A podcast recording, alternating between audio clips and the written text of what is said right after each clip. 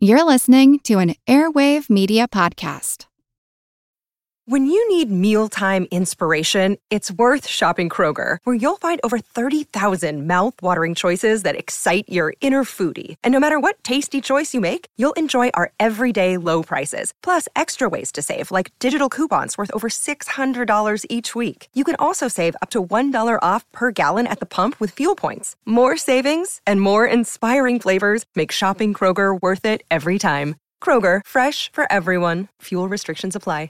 Another day is here, and you're ready for it. What to wear? Check. Breakfast, lunch, and dinner? Check. Planning for what's next and how to save for it? That's where Bank of America can help. For your financial to dos, Bank of America has experts ready to help get you closer to your goals. Get started at one of our local financial centers or 24-7 in our mobile banking app. Find a location near you at bankofamerica.com slash talk to us. What would you like the power to do? Mobile banking requires downloading the app and is only available for select devices. Message and data rates may apply. Bank of America and a member FDIC. This is Kick-Ass Politics. I'm Ben Mathis. If you're listening for the first time, this is a preview station for Kick-Ass Politics where I put up a few sample episodes for you to check out. I hope you enjoy this episode, and if you like it, then I encourage you to go to our main program at Kick-Ass Politics and subscribe to the show. There are a lot more episodes there. Just search for Kick-Ass Politics on iTunes, or if you go to the information page for this episode on iTunes, there's a link right there to subscribe to the main show. Also, feel free to check out our webpage at kickasspolitics.com, where you'll find show notes, book recommendations, and all kinds of extras. I'm Ben Mathis, and I hope you enjoy this preview of Kick Ass Politics. Kick Ass Politics is brought to you by Fiverr. You've heard me rave about Fiverr before. Fiverr is the world's largest online marketplace for services with over 100,000 categories, all offered for a fixed base price of just $5. Logo design, business consulting, marketing, business cards, web design, translation, transcription, proofreading, legal consulting, and just about any other service you can imagine, all offered at a base price of just $5. And right now, when you go to kickasspolitics.com and click on the Fiverr ad on our sponsor page, you'll be showing our sponsor that you support the show and you'll get some great offers on services tailored to your needs. Whatever you need done, find it on Fiverr. The Battle of Britain is about to begin. Upon this battle depends the survival of Christian civilization. Upon it depends our own British life and the long continuity of our institutions and our empire. The whole fury and might of the enemy must very soon be turned on us. Hitler knows that he will have to break us in this island or lose the war. If we can stand up to him, all Europe may be freed, and the life of the world may move forward into broad, sunlit uplands. But if we fail, then the whole world, including the United States, including all that we have known and cared for, will sink into the abyss of a new dark age, made more sinister and perhaps more protracted by the lights of perverted science. Let us therefore brace ourselves to our duty and so bear ourselves that if the British Empire and its commonwealths last for a thousand years, men will still say, this was their. That was an excerpt from a speech that Prime Minister Winston Churchill gave before the British House of Commons on June 18, 1940. He was barely six weeks into office when France fell to Nazi Germany, giving Hitler control of continental Europe. Although Britain had somehow managed to evacuate most of the 300,000 soldiers from the beaches at Dunkirk, they left behind 700 tanks, 500 anti aircraft guns, 850 anti tank guns, 11,000 machine guns, and 45,000 transport vehicles. It would be an understatement to say that the United Kingdom was poorly prepared to fight a world war, much less fight it single handedly. Russia wouldn't declare war on Hitler for another year, and the U.S. wouldn't enter the war for another year and a half. For all purposes, Britain was the last man standing. Many in Churchill's own government privately or even publicly favored surrender in hopes of negotiating some kind of acceptable terms with Hitler. Were it not for the steely resolve of Winston Churchill, Britain very well might have caved into fascism. And from that point, it's not hard to imagine that the world might be a very different place today. More than any man of the 20th century, Winston Churchill came the closest to single handedly saving the world. In honor of the anniversary of Sir Winston's passing, I'm talking with my friend Dr. Steven F. Hayward about some of the qualities that made Winston Churchill the greatest leader of the 20th century. Dr. Hayward is the Ronald Reagan Visiting Professor at the Pepperdine Graduate School of Public Policy. He's written several books, including Greatness, Reagan, Churchill, and the Making of Extraordinary Leaders, and Churchill on Leadership Executive Success in the Face of Adversity. So keep a stiff upper lip because I'll be back in a moment with Dr. Steven F. Hayward and Churchill on Leadership.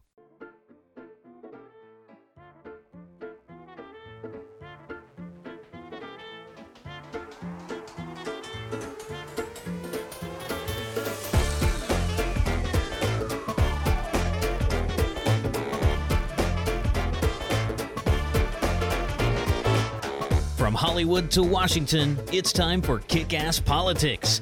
And now here's your host, Ben Mathis.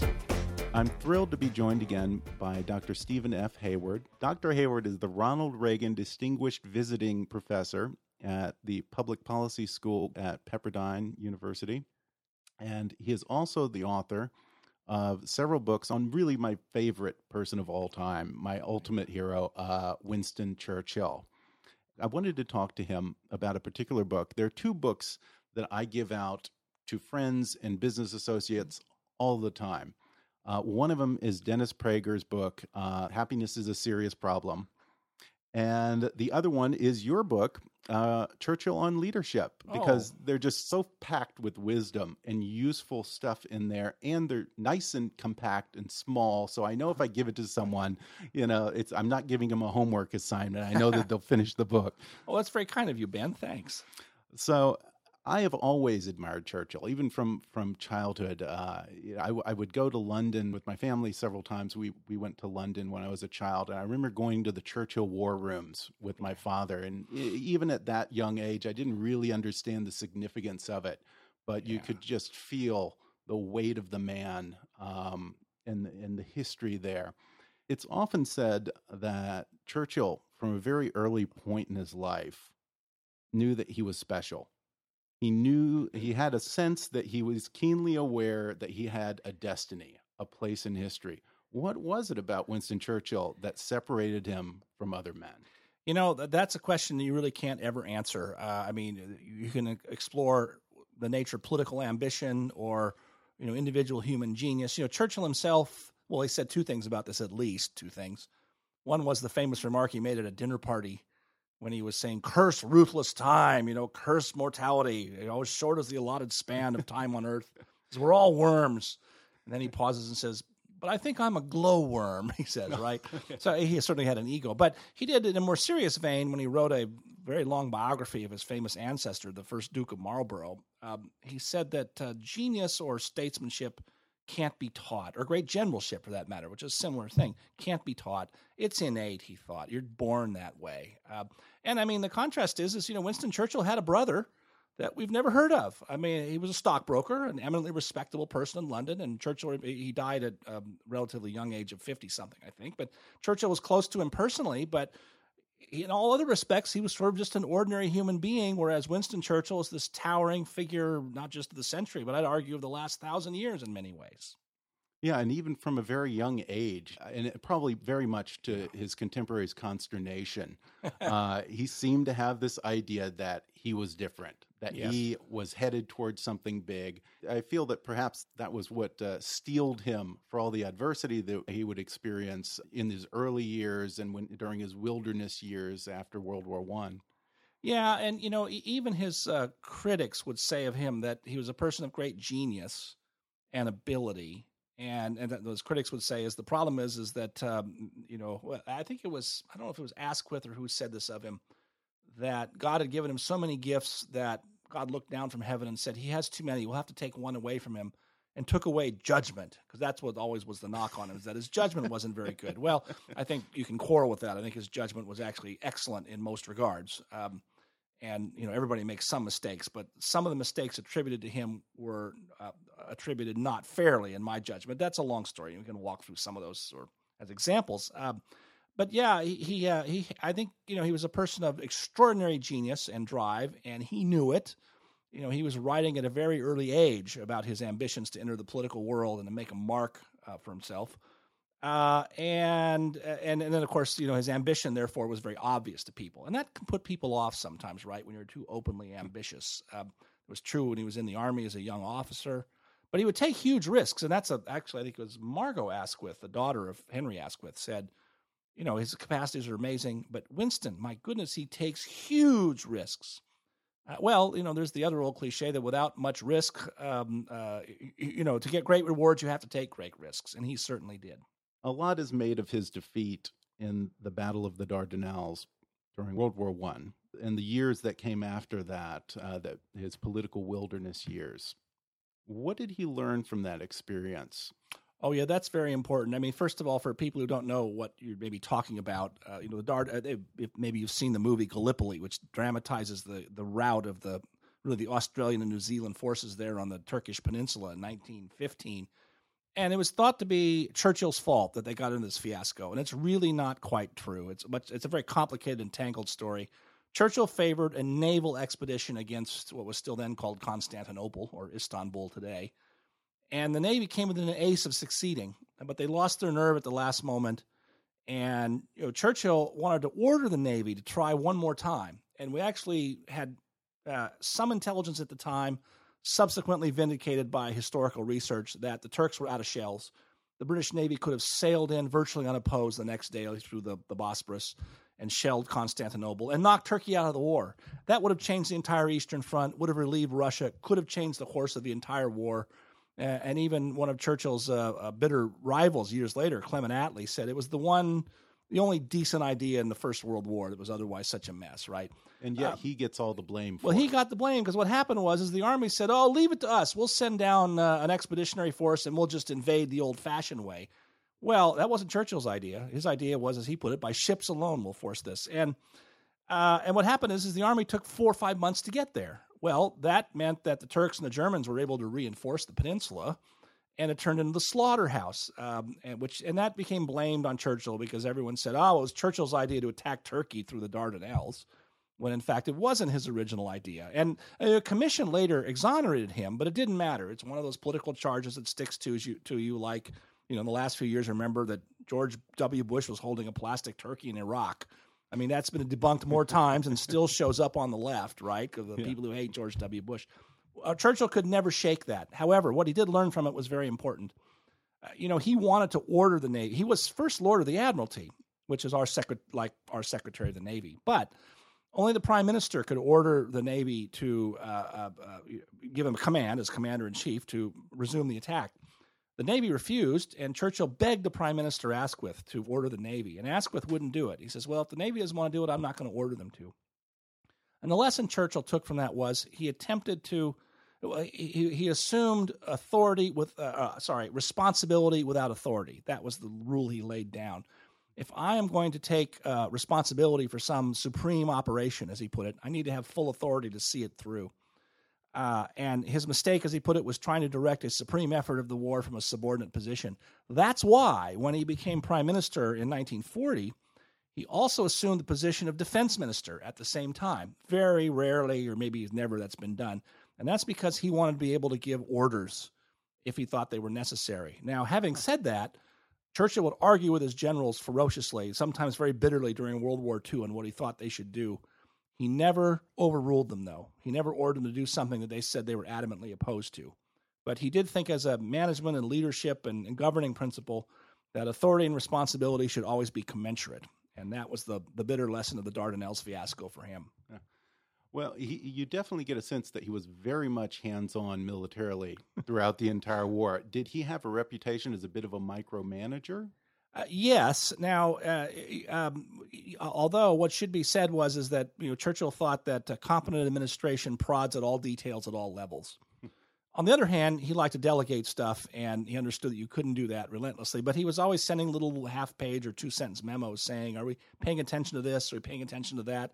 Please report back." And mostly, he didn't even care about the reports. Sometimes he just wanted to make sure that people understood that he was paying attention, and he wanted to make sure they were paying attention to their jobs in every detail. Uh, so yeah, he could be something of a meddler. That's true. Um, and uh, but but once again, you know, he uh, he knew when to back off. Um, and again, I, you know, you have to take that on a case by case basis. And overall, I think he had pretty good judgment.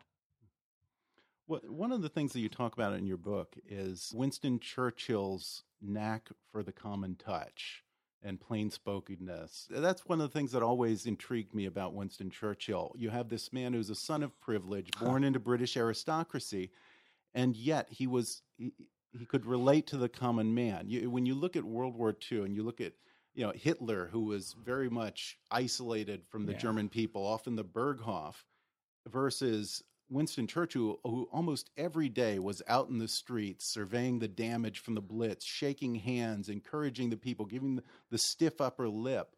Where does that come from? Did that come naturally to him, or was that something that he had to acquire over time, given yeah. his upbringing? Well, you know, it, it is a little bit of a paradox because he certainly didn't live the common man's life, right? I mean, you know, he he never drove his whole life, I don't think, uh, or maybe very little. Uh, he was a small D Democrat. He was very democratic that way. You're right, walking around through the rubble and you know hugging wives whose houses had been bombed and so forth. Um, and oddly enough, he got some of that from his father, Lord Randolph. His father was a lord, right? Lord Randolph Churchill. He used to say, uh, "Trust the people." His his father was very democratic in that sense, even though his father was even more sort of remote and aristocratic than Winston was. So, yeah, that somehow was in his bones, and but it did translate into his public speaking, partly which he did learn from his father, but. Uh, one little thing that you may not notice unless you pay close attention or have it pointed out to you is he liked short words. You know, he didn't like jargon, uh, and he hated uh, complicated sentences. I mean, he could give very poetic sentences, but he was usually quoting the King James Bible, for example, just as Lincoln did, right? Mm-hmm. But he tended to f- favor speeches and and uh, you know, verbal formulations that used short words. And you know, these days, uh, everybody, politicians, but everybody in between, we tend to like to think we have to impress audiences by using long words and jargon. Churchill always made war on jargon. And in fact, there's a few exceptions to that, or the exceptions that prove the rule. He once used the phrase in the House of Commons, uh, he didn't want to admit that something was a lie. The, the term he used was, well, to say that would that would be to say a terminological inexactitude, and the whole House of Commons roared with laughter because they understood that this was Churchill pulling their leg because he that was not his kind of language, and so that was you know one of those odd little stories that they say is the exception that proves the rule. well, he he did. On the other hand, it's interesting because he did. Um, he was incredibly eloquent, and he did have uh, an amazing vocabulary. He, you know, he yeah. had this knack for always choosing the mot juste, as the French would say, right. the perfect word, the perfect way to phrase something. How did he strike that balance between very much the candor and plain spokenness versus the eloquent orator well, you know, the, the, interesting thing is, is he wrote a letter to his mother when he was maybe 25 years old. You can now find this online if you Google it. Just look up uh, Churchill or Winston Churchill and the scaffolding of rhetoric, and it will pop up because it actually was printed as sort of a separate essay, even though it was part of a long letter to his mother. And what he says was, I, I, have I've discovered there are six elements to rhetoric, and he then goes on really to name just four of them. But uh, but part of it is the accumulation of argument. Um, uh, that's why you know, the title is interesting. The scaffolding of rhetoric. Think what scaffolding is like. You know, you sort of build these things up, and you know, one story after another, and you can see the whole building shape come into view. Um, and you know, one is the accumulation of argument, um, as well as diction and rhythm. He was very big on rhythm. He thought good speaking should be poetic, right? Um, and there's a rhythm of language that uh, you know, he says actually grabs a hold of the the emotions of the listener. Some of this, by the way, you can find as far back as Aristotle's rhetoric, but Churchill figured this out all on his own at a very early age. Well, one thing that I found interesting about him is his his speech writing process. It was ah. usually late at night. He would dictate to a secretary, and he would play what the, what he called martial music, or mar, as we would call marching music, Right. as he was crafting a speech. Right. Yeah, well, I mean, he had odd habits from our point of view. You know, he did like to work till very late at night, early hours of the morning, like to sleep in, not late, but, you know, 8.30, 9 o'clock, and then work in bed in the morning.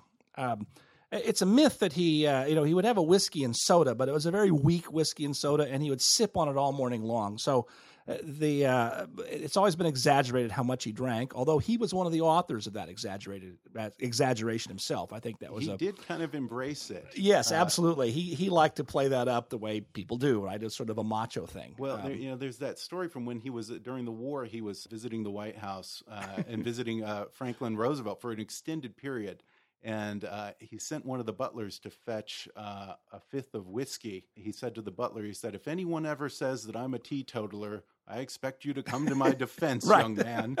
And this poor young butler, he said, "Mr. Churchill, I'll defend you to the last front." well, you know, Churchill traveled in the United States several times during Prohibition, um, and that must have been hard for him. well, except that he would always bring a trunk of liquor with him, right? And he would talk about how, you know, I mean, this is off our main subject, but during Prohibition, uh, you know, prominent foreigners would always get through customs with a wink and a nod and say this is hair gel or something silly like that and the custom people say okay not like today right so i mean this is well known that when especially foreign dignitaries from europe came over they could bring all the liquor they wanted and that's why they were prized guests for americans too We'll be back to talk some more about Churchill's favorite vices and his great leadership qualities after just a moment here with Dr. Steven Hayward.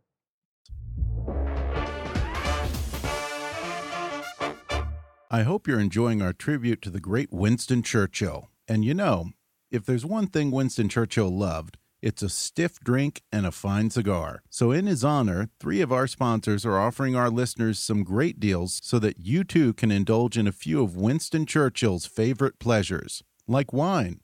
Since 1992, Gold Medal Wines has been America's leading independent wine club. All of their wines have won multiple medals from major wine competitions and feature high ratings from Wine Spectator, Wine Enthusiast, and other national wine publications. And hey, if you're a beer snob, they've got you covered too with Craft Beer of the Month Club. They discover exceptional craft brews from all over the world and deliver them right to your door every month. And right now, if you go to the show site at kickasspolitics.com and click on the ads on our sponsor page, they've got exclusive deals just for listeners of the show. Deals like 45% off wines rated 90 points and up from Gold Medal Wines, and special gifts for our listeners from Craft Beer of the Month. And last but not least, if you really want to live it up like Winston Churchill, you've got to indulge in a fine cigar with that drink. Winston Churchill's favorite cigar was Romeo y Julieta. And right now, in his honor, if you go to the sponsor page at kickasspolitics.com, JR Cigars is offering a special deal just for our listeners 10 Romeo y Julieta cigars for $10. JR Cigars is the world's largest cigar store, so they offer all kinds of discounts on the finest cigars in the world. And if you visit kickasspolitics.com, all three of these sponsors are offering our listeners free shipping. So go to our sponsor page so you too can enjoy some of life's great pleasures in true Winston Churchill style.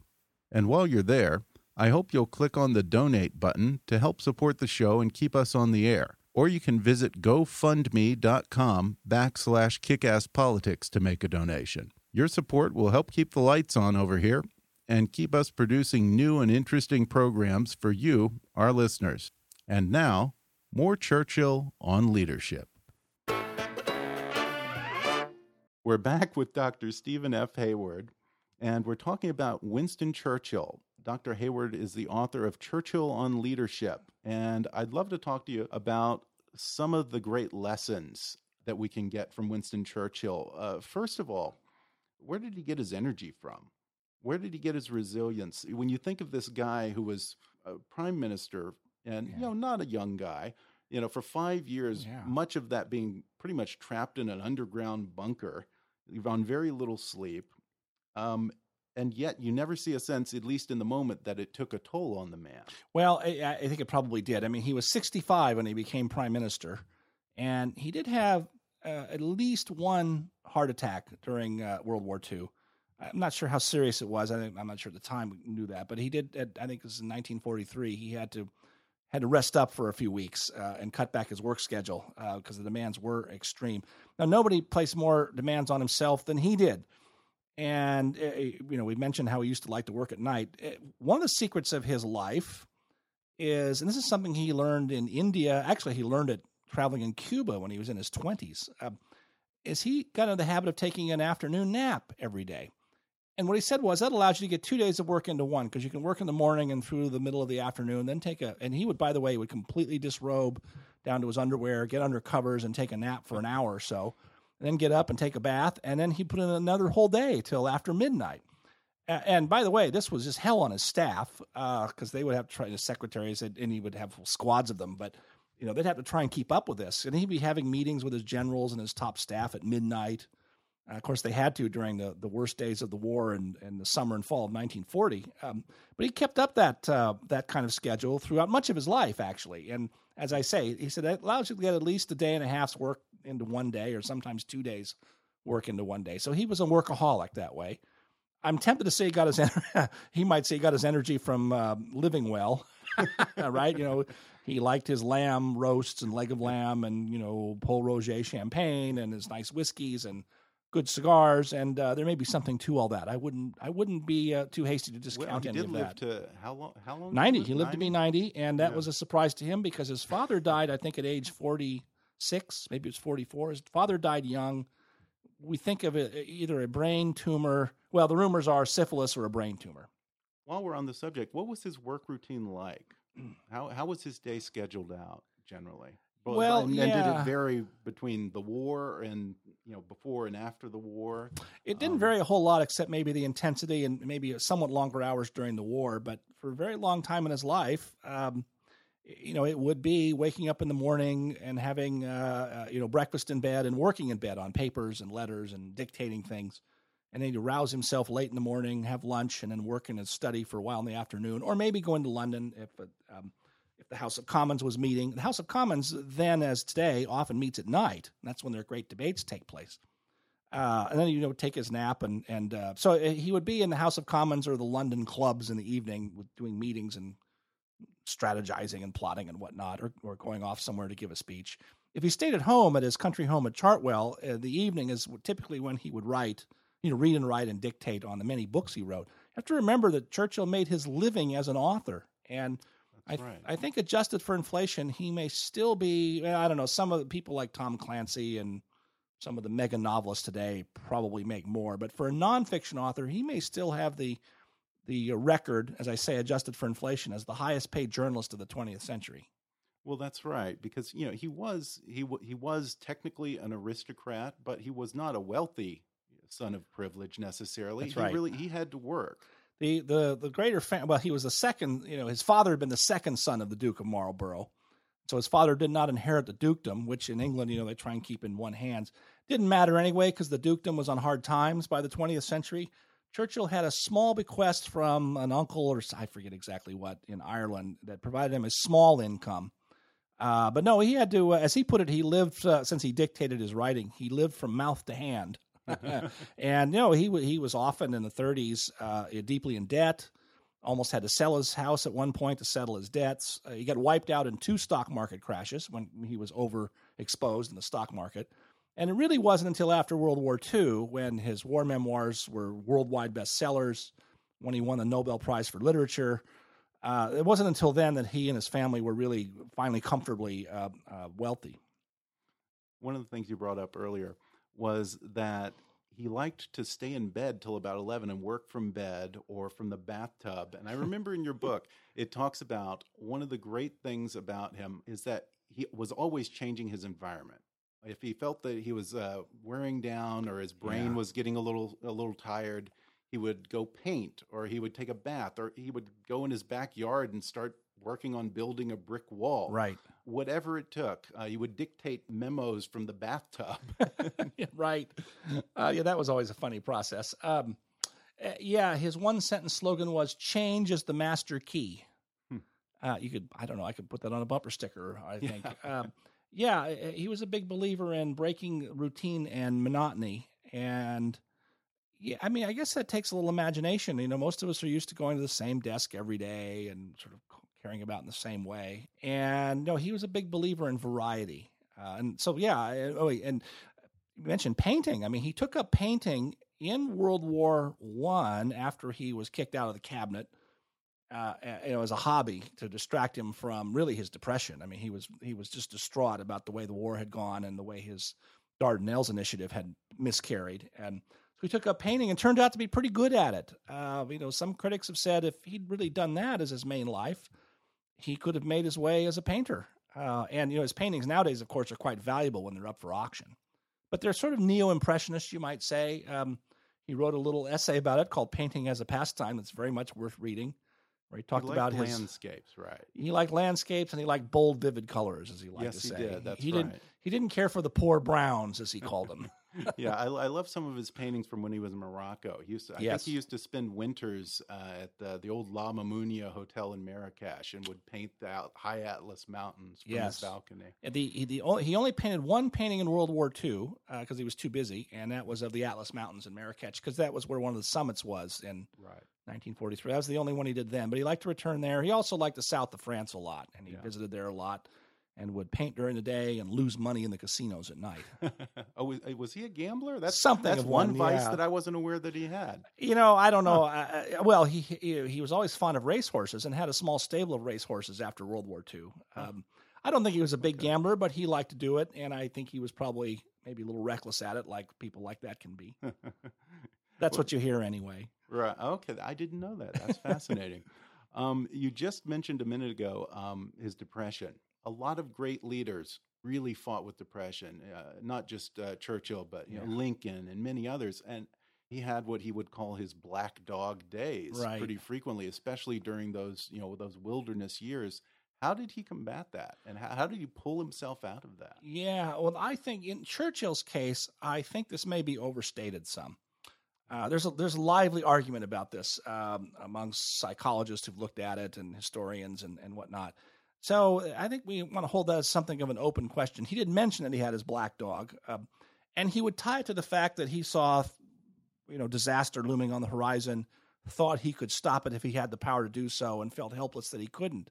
Right? Uh, I, I think Lincoln's depression is much more uh, authentic, and there you can see it. I think rooted clearly and you know he he he got the casualty reports every night, and certainly that was not something that Lincoln wanted to see happen. Right, that would depress anybody. Um, so as to how Churchill rallied, I I think what he did is just redoubled his resolve. It just I think it fueled him to go on, uh, you know, being stubborn and giving those speeches. I mean, remember he was under tremendous pressure in the 30s to stop talking about Hitler, stop criticizing the government of his own party. And, you know, they kept holding out uh, carrots and sticks to him. You know, if you just shut up about this, we might bring you back in the government and give you a job. So they would try to bribe him, so to speak. And then the sticks were they actually, uh, the Conservative Party tried to force him out of his own seat in the House in, I think, 1938 That's right. uh, I think it was 1938 or maybe even early 1939. And so, uh, you know, he was under tremendous pressure, and I think that just stiffened his spine. That, and whenever he got down, he'd say, "Well, it's time to give another strong speech or write another rousing article about the danger we're in." when he was brought back into the government, how did he manage that? You know, as the guy who was constantly Yeah. deriding the current government and their foreign policy, how was there a little bit of him just just shutting up and saying, just play ball for about a month or two here or a year, and then you or how? What was his thought thought process like there? And what's well, that's a that? that's a really good question. So he he joins the cabinet as uh, his old job, first lord of the admiralty, Right. and joins the small war cabinet to run the war, starting on September second or third, nineteen thirty nine. And he's not made prime minister until May, which is what eight months later, eight nine months later, uh, May tenth of nineteen forty. So during all that time, he's in a subordinate position, subordinate to Neville Chamberlain, who he's criticized so harshly. On the other hand, he had in some ways the most important job in the cabinet because the British Navy was the pillar of the British defense establishment. right. And so he was busy running the Navy and trying to make things happen. And, you know, insofar as anybody was taking the fight to the Germans, it was the Navy. Um, you know, in the 1940, the submarine war starting, and that, that's a very long story. But, um, and, eh, but, but publicly on the floor of the House of Commons, he became the leading defender of the government. even against critics in his own party. And ultimately, that wasn't enough to save Chamberlain. I mean, when the debate came on May 9th, I think, of 1940, and what happened was you had a confidence vote, and Churchill won the vote. Uh, sorry, Chamberlain won the confidence vote in the House. However, something like 90 members of the Conservative Party abstained. And that meant that his support was actually gone because you had so many people in your own party, plus the other party. The other part of it was is that as they'd done in World War One, the feeling was, and the king also, is that we need to have a, a, a, a coalition government, a government of national unity. And the Labor Party says Chamberlain has to go; he's no good. And you have a lot of conservatives saying we're fed up with Chamberlain.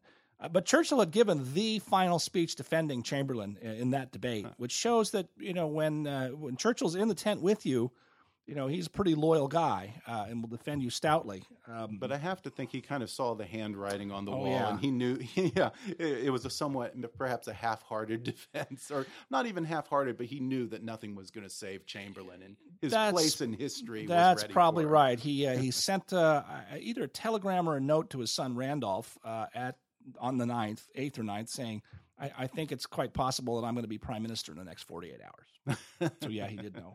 he could see around corners. Yeah. That's one of the great qualities that he had. Um, what was his decision making process like? Well, um, you know, it's fairly logical and orderly. Um, above all, what he thought was that you should always make a decision. You shouldn't temporize you shouldn't change your mind. I mean, the big problem for him in World War One is that they would discuss things forever and not make a decision, or the War Cabinet in World War One would make a decision and then they would unmake it hours or the next day. And so what Churchill thought was is all decision making processes should be driven through to the point of decision, and then you should stick with that decision. And he said, I forget his exact words, but the point he made was, is even if it's the wrong decision, it's better to have one than to not have one. It gives clarity to everybody around you about what you're doing.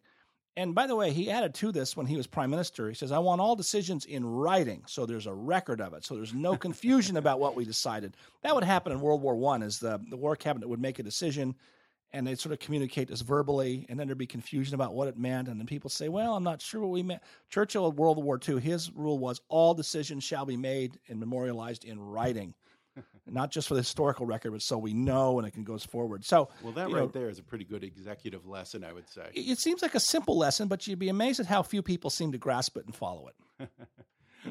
I'm curious, what are some of your other favorite lessons from Churchill that apply not just to politicians, but to the executive or just lessons in leadership? That you find most useful across the board? Yeah, well, we've already mentioned three of them, but it's worth tying them together. One is the importance of decisiveness, which I say sounds simple, but seems not to be. Uh, two, uh, having authority and responsibility in equal measure. Uh, and not making somebody responsible for some project or some task without giving them the full authority to all to do all the things necessary to accomplish it. Um, let's see, what's some of the other ones? Oh, learning from your mistakes. That again is also a cliche, uh, except that uh, we tend to avoid these things, right? Or you know, not recognize the mistakes and draw the lessons from them.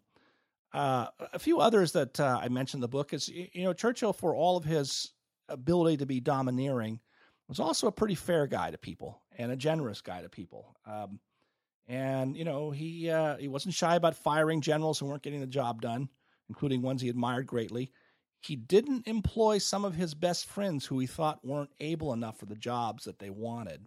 Oh, that's interesting. Yeah, no and that you know that's no nepotism. Cabinet. Not you know nepotism huh. usually means family, but no favoritism. Yeah, and you know that's a hard thing to do because you know a lot of people really backed him hard to get to be prime minister, and then you know they ended up not getting uh, uh, very good jobs or no jobs at all in some cases, and in some cases he would appoint people who'd been his critics or enemies because he knew they were able and would do the job that needed to be done. Um, you know, the British are maybe better at that than we are. I'm not sure, but uh, certainly Churchill was. Um, you know, he put in a couple of, uh, I, I, think it was, um, a couple of jobs. I'm, I'm a little fuzzy now on the details, but I remember at the time of doing the, the research and reading his biographies that he would put in some key places some people who had been his fiercest critics in the House and in the media because he knew they, they would do the job well.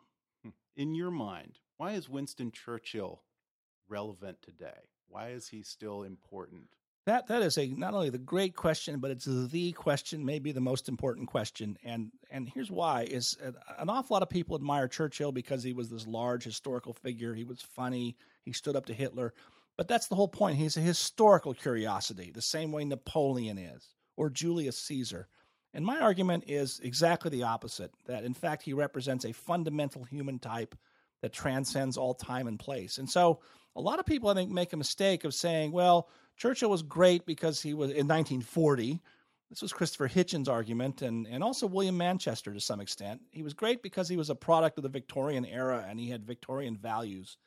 And I think that that is to make a great mistake. I think um, what you ought to see is that he's a person of, I say, classical values. I mean, he goes back to Aristotle in some ways. And because he's a fundamental human type, it means that the potential of statesmanship, potential of human greatness at that level is possible at any time. Now, you may not need it. Um, you may not have a Hitler. You may not have an existential crisis of civilization.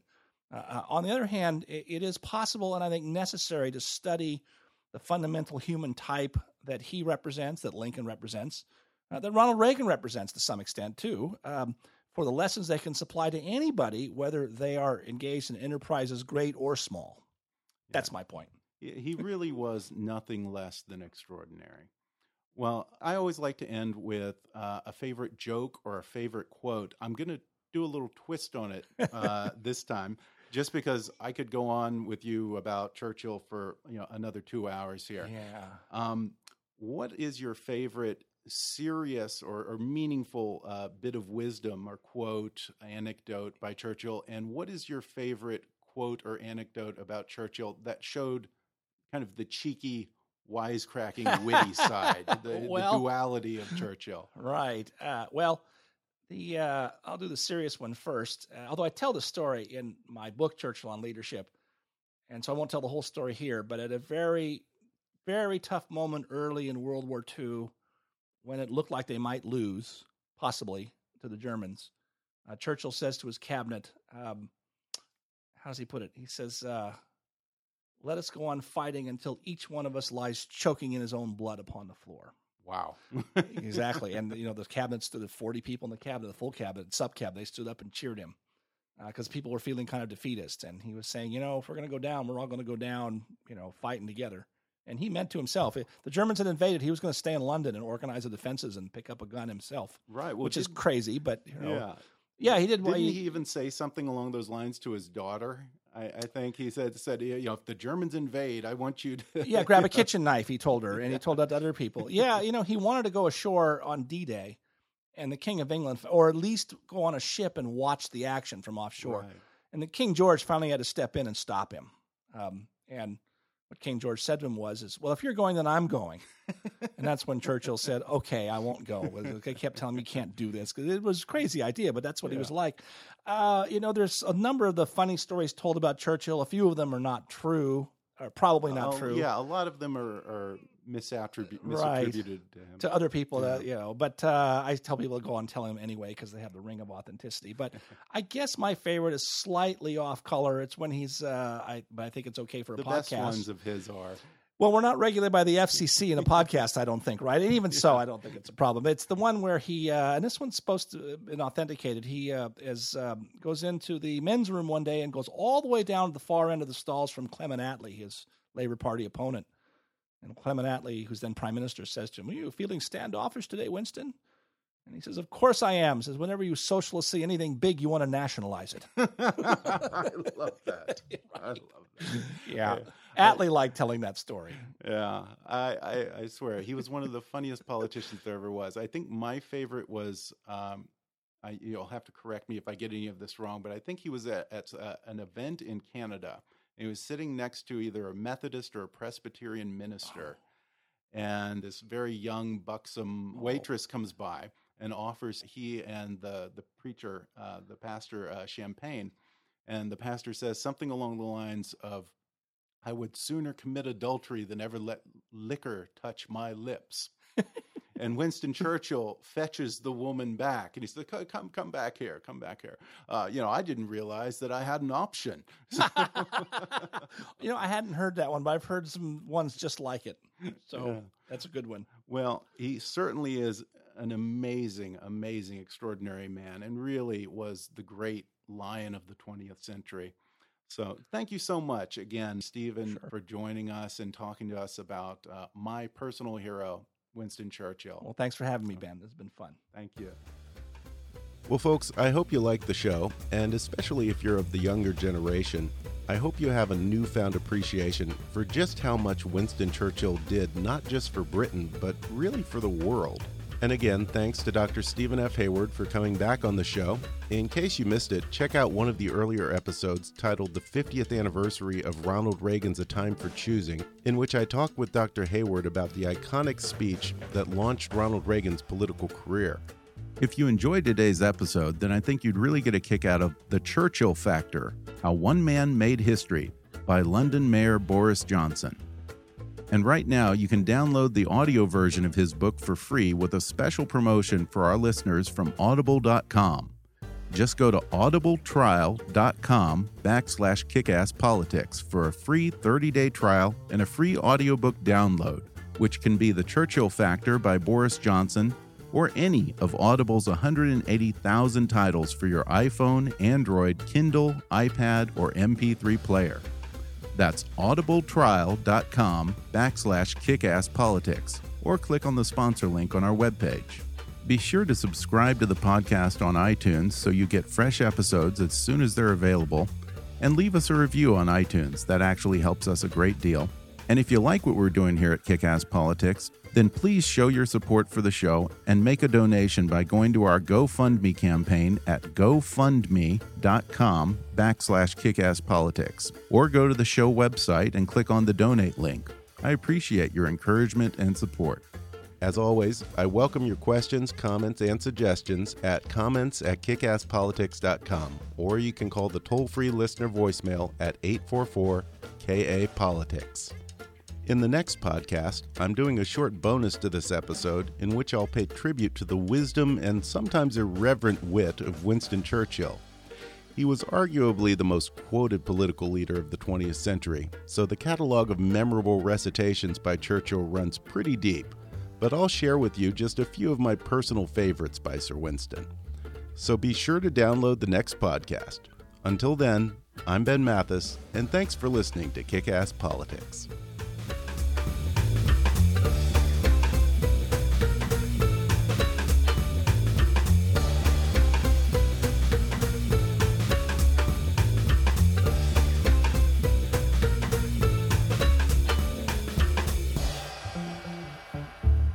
Kick Ass Politics is a trademark of Mathis Entertainment, Inc.